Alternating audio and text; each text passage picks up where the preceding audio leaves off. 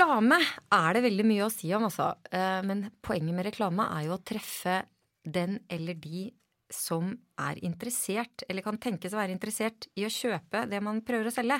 Jan Morten Drange, leder av Anfo. Hvorfor diskuterer man da grenser for hvor målretta annonser kan være? Det er sannsynligvis så enkelt at litt for mange har gjort ting som var mulig, som de slett ikke burde gjort.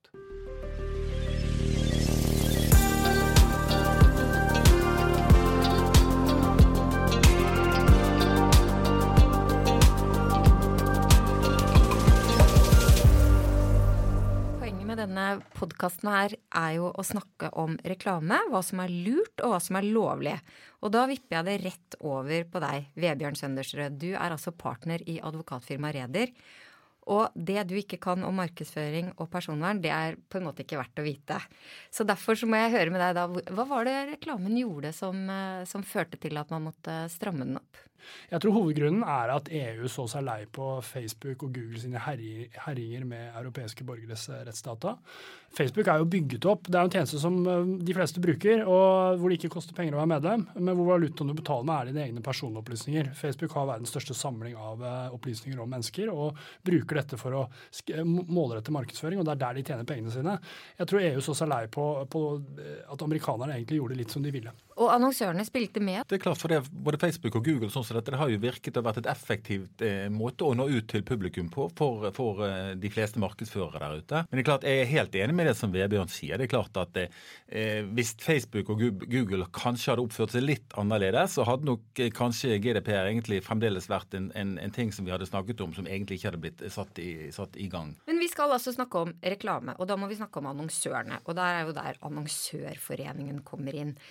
Når du, når du, starter egentlig med å si at hopper rett inn i at det var Google og Facebook som, som egentlig gjorde feilene, hvilket ansvar har annonsørene da? Jo da, men sluttansvaret ligger jo egentlig alltid på annonsøren. For det er jo klart, det er jo, hvis, hvis, noen skal stilles til livs, så blir det jo egentlig de, eller til veggs, mener jeg. Så, så, sånn sett så har vi jo et felles ansvar alle sammen.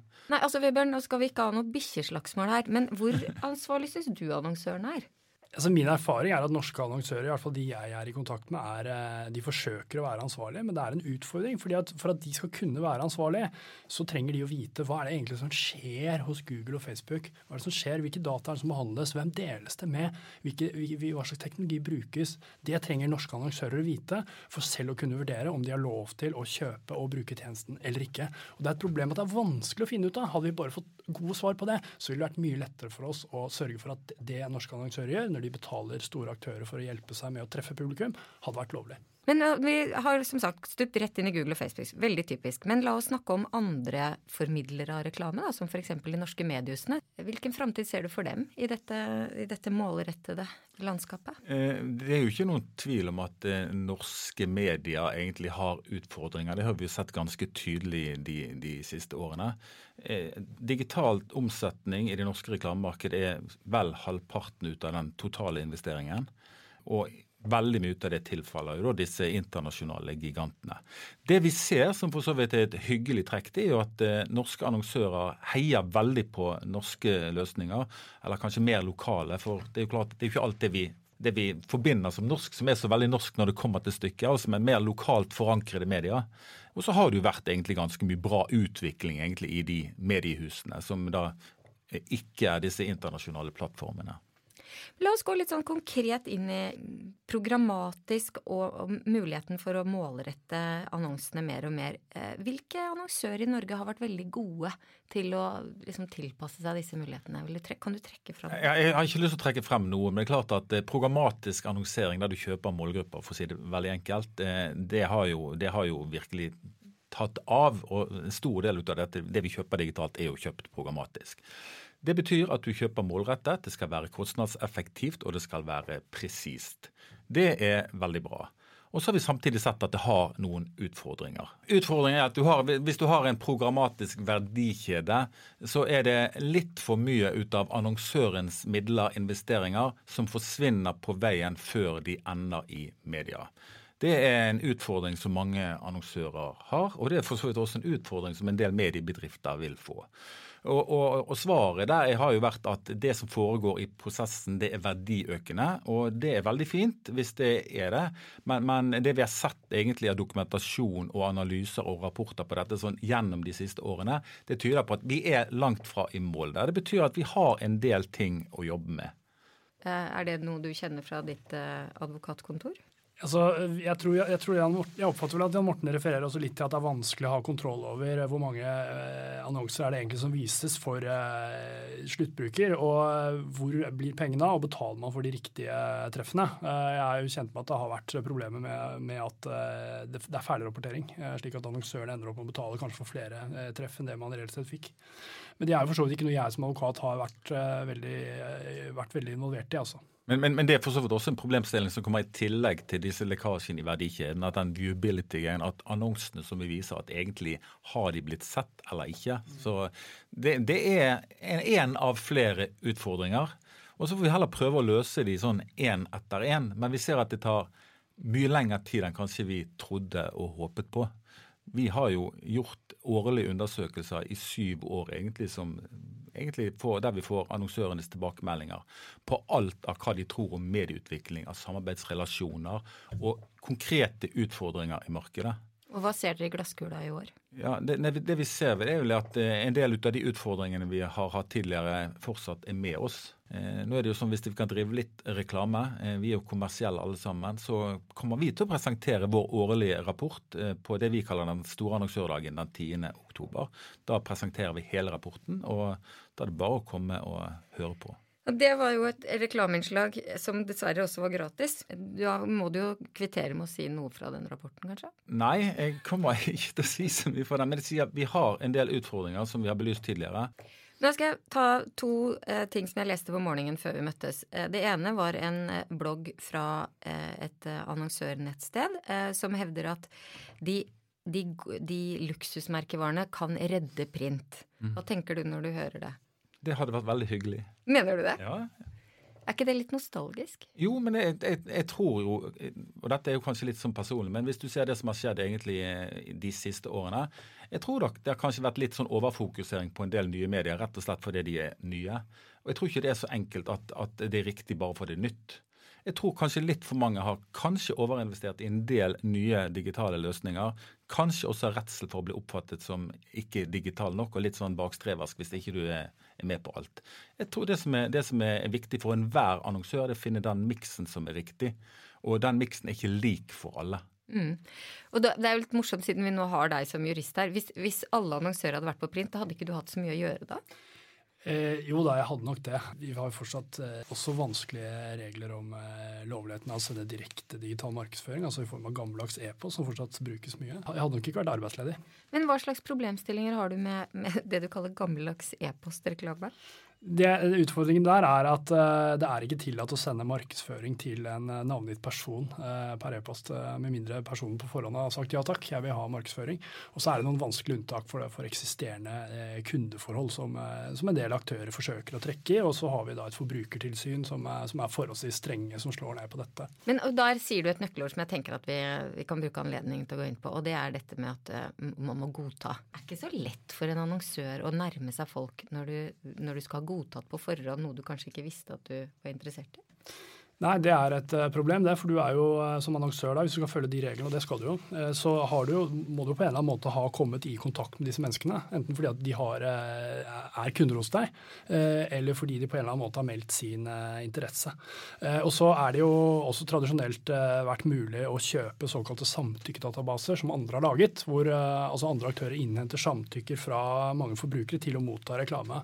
Men så ser vi jo da at reglene stadig strammes inn på at et samtykke som er gitt til eh, bedrift A, eh, ikke nødvendigvis dekker at bedrift B senere sender markedsføring. Blir det for vanskelig for annonsørene?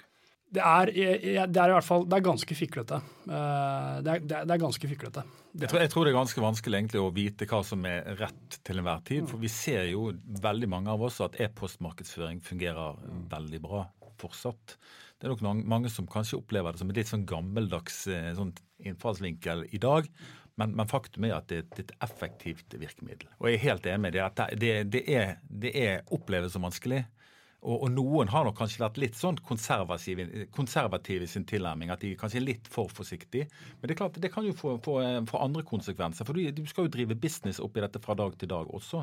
Så de, de, de, har gitt oss noen sånne små nøtter som vi er nødt til å knekke som fortløpende. Jeg tenker også sånn generelt, og det, det, det mener i hvert fall jeg, at uh, aktører, altså annonsører, må rett og slett uh, være offensive og ta litt risiko. Hvis ikke man gjør det i, i, i, dag, altså i den teknologiutviklingen som går så raskt, og regler som også endrer seg hele tiden, tiden. Hvis ikke man er villig til å ta risiko og legge seg litt i gråsonen, så er jeg redd for at du blir akterutseilt. Jo, men det, det, er jeg helt enig i. sant? Og, og, Den må jeg bare fryse litt. Det du sier at Hvis ikke du er villig til å legge deg i gråsonen, mm. så blir du akterutseilt. Mm. Det er en liten brannfakkel. Mm. Er, er, det det? Jo, men jeg, jeg, jeg, tror ikke det, det, jeg tror ikke det er ment som en brannfakkel. Dette har vi snakket en del om tidligere også.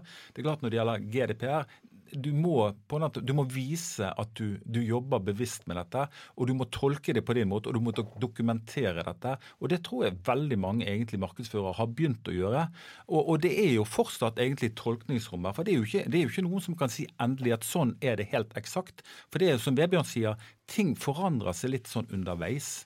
Og da må man på en eller annen måte kunne være med egentlig på den prosessen. For det er klart Hvis du plutselig stenger av alt, og konkurrentene dine ikke gjør det, så sitter du der, altså. Det er jo bøter eh, forbundet med å, å, å, gjøre overtråkk i GDPR-land.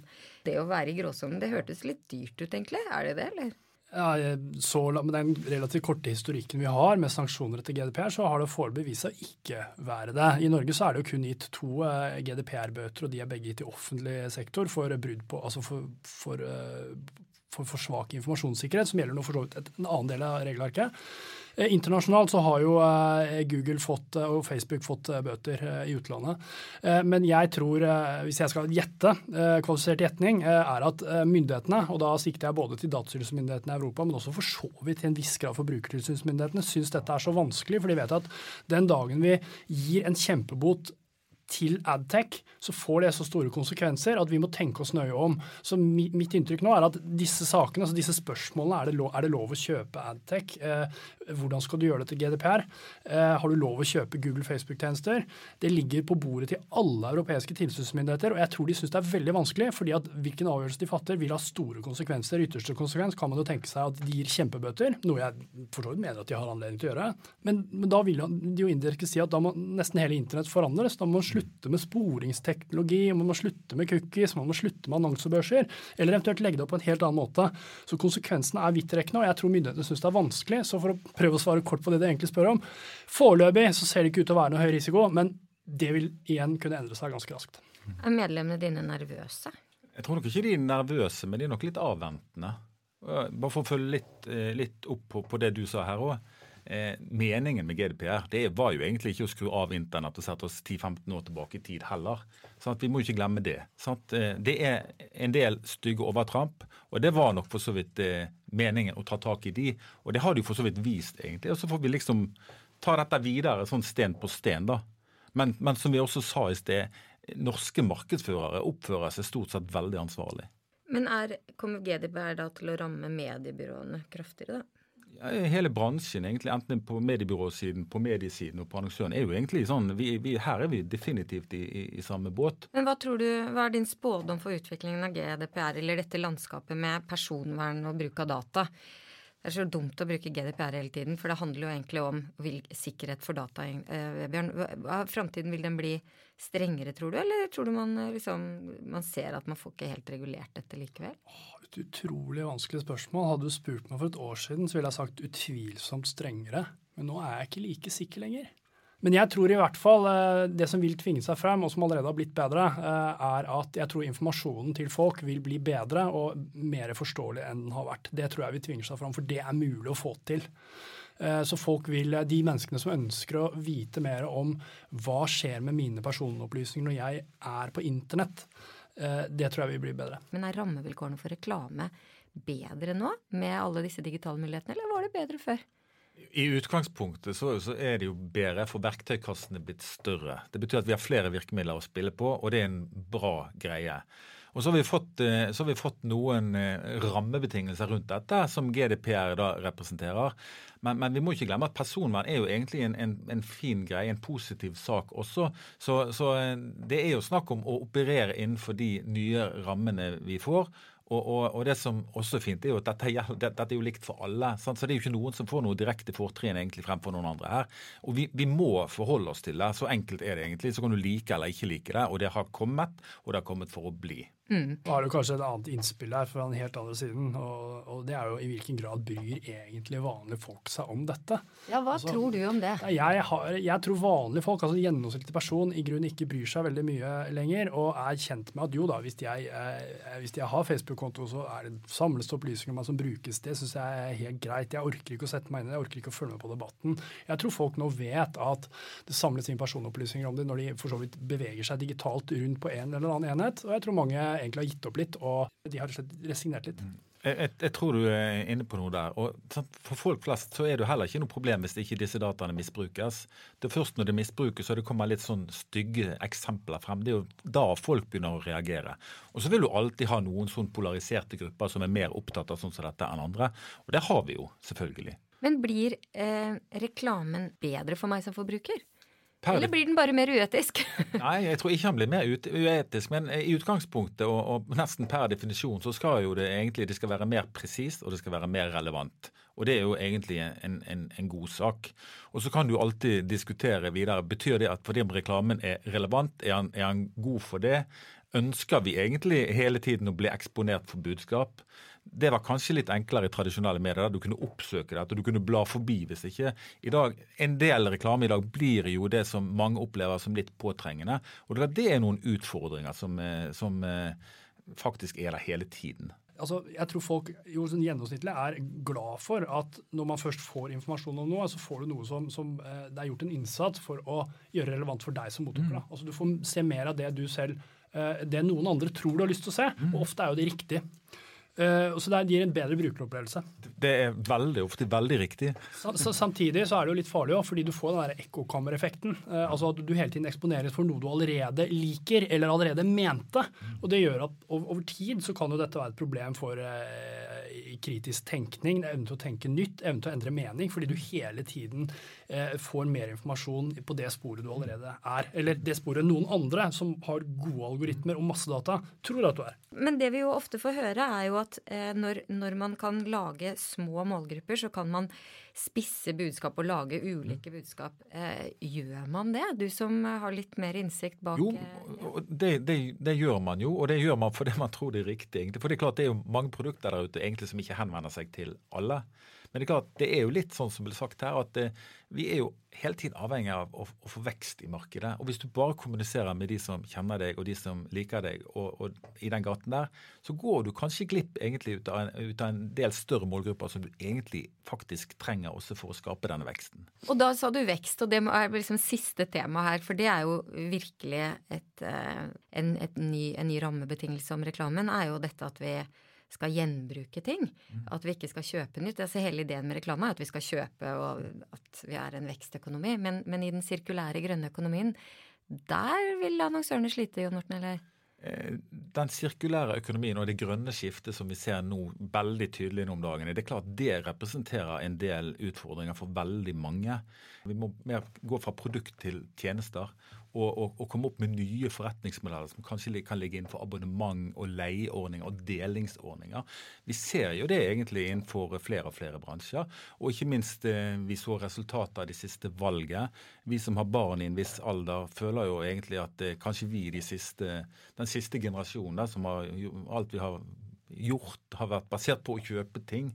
Og så ser vi jo da etter hvert at kanskje vi har nok, og så de under oss de er ikke så opptatt av at de skal eie alt. Har det, har det noen implikasjoner for det juridiske? Altså dette, denne, dette det sirkulære i reklamens uh, verden? Det er et godt spørsmål, syns jeg er vanskelig å, å svare på. Altså det, det, da må man, det, ja, det, gjør jo det, fordi da er det andre ting du må jobbe med isteden. Da, da blir det plutselig enda større fokus Hvis jeg snakker som advokat, da, da blir det enda større fokus på vilkår for de ulike tjenestene. Avtalen, altså, av, avtalen, vilkårene. Hva er det leverandøren har lovet deg når du går inn på sirkulære tjenester, og hvem er ansvarlig når det ikke leveres? Når du driver med billederingstjeneste, er det tjenesten, appen du betaler en abonnementsavgift til, eller er det han forrige personen som ikke leverte bilen eh, dit han skulle? Så da blir det fokus mer på på sånne ting. Og så, Siden vi snakker om GDPR, så vil jo personopplysninger hele tiden være eh, kjempeviktig også der. fordi at der trenger eh, app-tilbyderen, hvis det er en app-plattform, trenger eh, personopplysningene dine for å kunne levere deg tjenesten. Og sannsynligvis så vil også en sånn tjeneste, når den blir mer moden, bygges opp rundt at du at de vil følge mønsteret ditt for å kunne gi deg det du vil ha Eh, kanskje før du selv eh, vet at du skal bestille det. Og Amazon, jeg, har, jeg, hørte en historie om Amazon, de gjør allerede det, hvor de visstnok har begynt å sende varer til deg før du har bestilt det. For de vet, basert på sin dataanalyse, at det er veldig sannsynlig at du vil ha den varen. Og så vet de noe annet. Hvis det viser seg at du ikke vil ha den, for du har ikke bestilt den, så vil garantert naboen din ha den isteden. Men det jeg hørte at du sa som jeg syns er veldig interessant, er jo at vi alle må bli bedre på jussen i, i avtaler vi kommer til å inngå i den sirkulære økonomien, egentlig. da. Det er jo litt artig, det. Det heter seg jo jo flere advokater, jo flere advokater.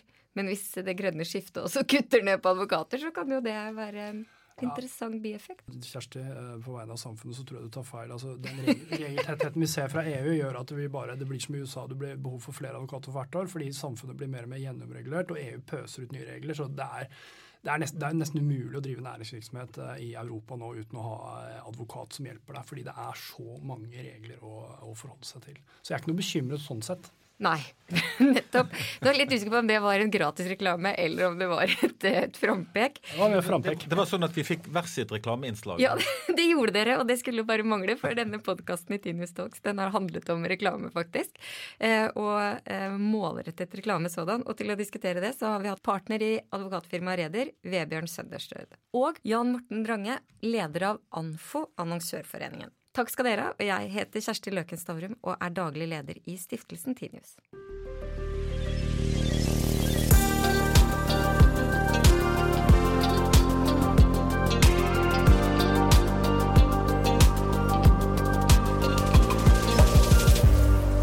Denne podkasten er produsert av Hansine Korslien for stiftelsen Tinius.